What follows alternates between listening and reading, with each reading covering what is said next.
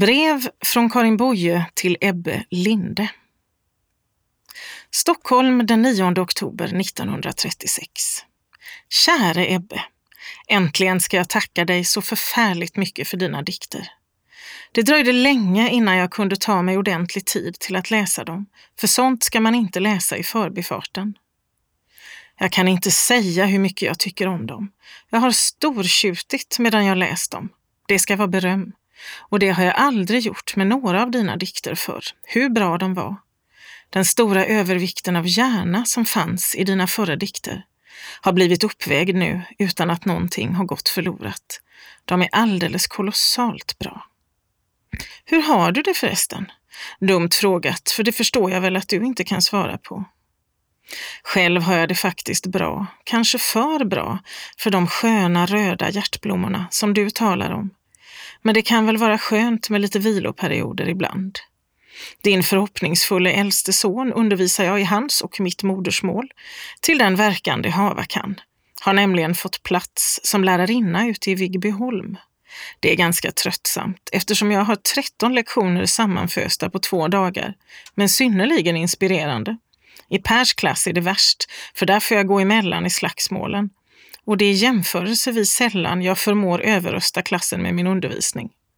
Men jag tröstar mig med att det är likadant för de andra lärarna. 13 barn, varav minst fyra problembarn i utpräglad mening.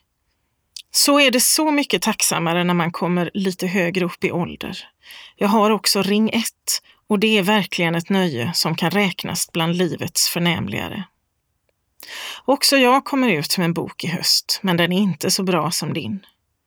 Jag har för ett par dagar sedan läst första korrekturet och jag märkte då åtminstone att så dålig som jag trodde när jag läste den i manuskript är den inte.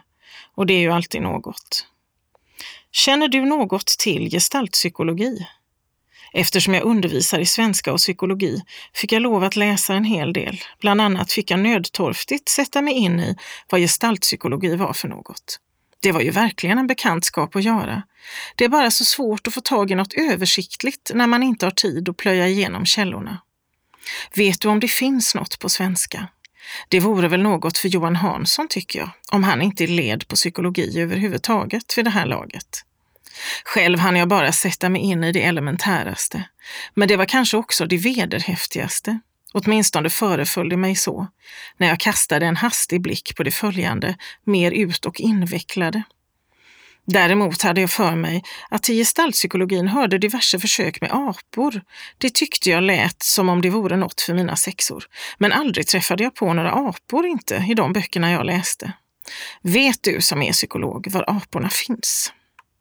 Skriver du några rader en gång så gör du mig en stor glädje. Din tillgivna Karin.